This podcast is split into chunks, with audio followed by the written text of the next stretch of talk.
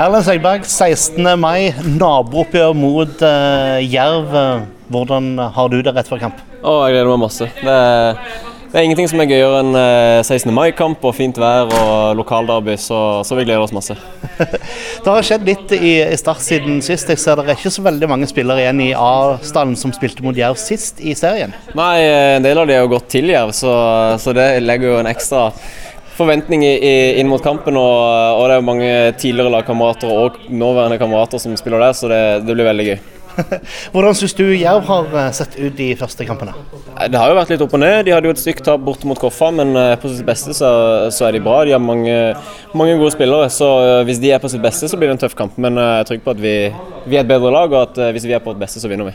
Ja, og det står også en i god stim nå. To seire på rad og to, to kamper også uten baklengsmål og alt dette her. Så det virker som det går bra.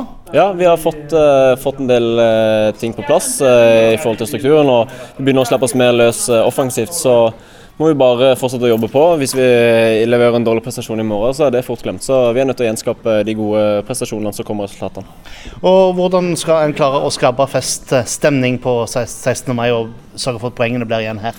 Nei, Vi ønsker jo ut å ta initiativ i kampen og styre kampen, litt sånn som vi gjorde mot Strømmen. Og forhåpentligvis komme til, til mange sjanser og, og skåre mye mål. Så viste vi mot Strømmen at, at vi også kan skåre mye mål og underholde publikum. så vi skal gjøre vårt beste for å få til det, så håper vi så mange som mulig kommer, på, kommer for å se oss.